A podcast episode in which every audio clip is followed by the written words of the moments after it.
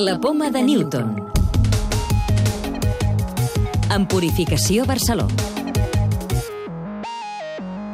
Avui us parlem d'un pont molt especial dissenyat per investigadors catalans. És inflable, molt lleuger i es pot muntar en tan sols 8 hores. Està pensat per actuar en cas d'emergències naturals, però pot tenir altres aplicacions.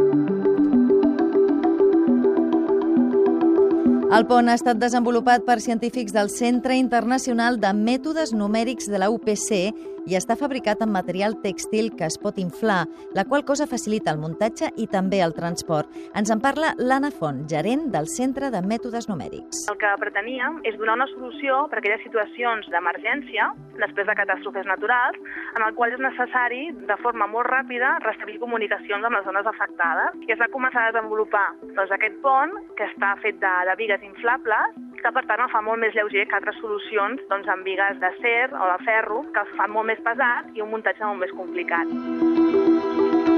Són materials tèxtils d'alta qualitat, que a més estan reforçats per un element de compressió, que seria la part de dalt del pont, per on passaria un vehicle o les persones o la càrrega, que hagués de passar, i a sota també s'han reforçat amb un element de tensió que acaba de fer de donar un reforç a l'estructura. Però la gràcia del pont és que tota la deformació l'aguanta, diguem, aquesta estructura inflable és set vegades més lleuger que un pont de característiques similars, les que s'utilitzaven doncs, fa temps en tasques militars o de salvament. I a més a més és cinc vegades més compacte, és a dir, pot anar empaquetant de forma que el transport al final queda cinc vegades més compacte que un pont de característiques similars a aquest. No és necessari utilitzar cap tipus de maquinària pesada. Simplement amb vuit persones treballant durant vuit hores amb, conjuntament, el pont està perfectament muntat.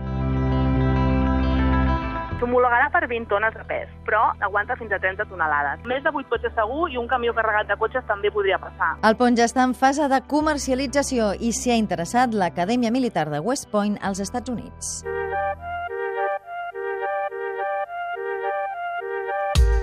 També destaquem avui que científics de la Universitat de Harvard han creat un grup de robots inspirat en els tèrmits. Són robots autònoms capaços d'aixecar estructures sense supervisió ni sense cap pla previ. Interactuen entre ells, observen l'entorn i són capaços de construir estructures molt complexes.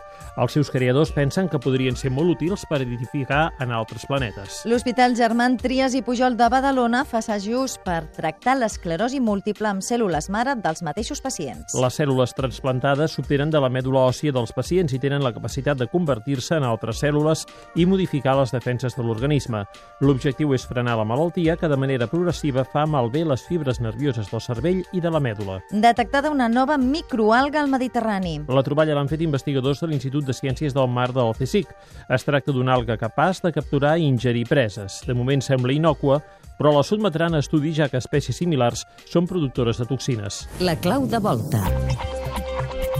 Des de quan utilitzem lents per millorar la visió? Montse Capdevila, de l'àrea de Ciència i Medi Ambient de l'Obra Social de la Caixa. Una de les lents més antigues que s'ha trobat és la de Nimrud, que s'exposa al British Museum i que té 2.700 anys d'antiguitat. Els experts proposen que podria haver estat utilitzada com una lupa o com una lent per encendre foc, però les lents més antigues conegudes són de fa 4.600 anys i els egipcis les col·locaven als ulls de les estàtues funeràries, fent que aquests ulls semblaven seguir a qui les observava.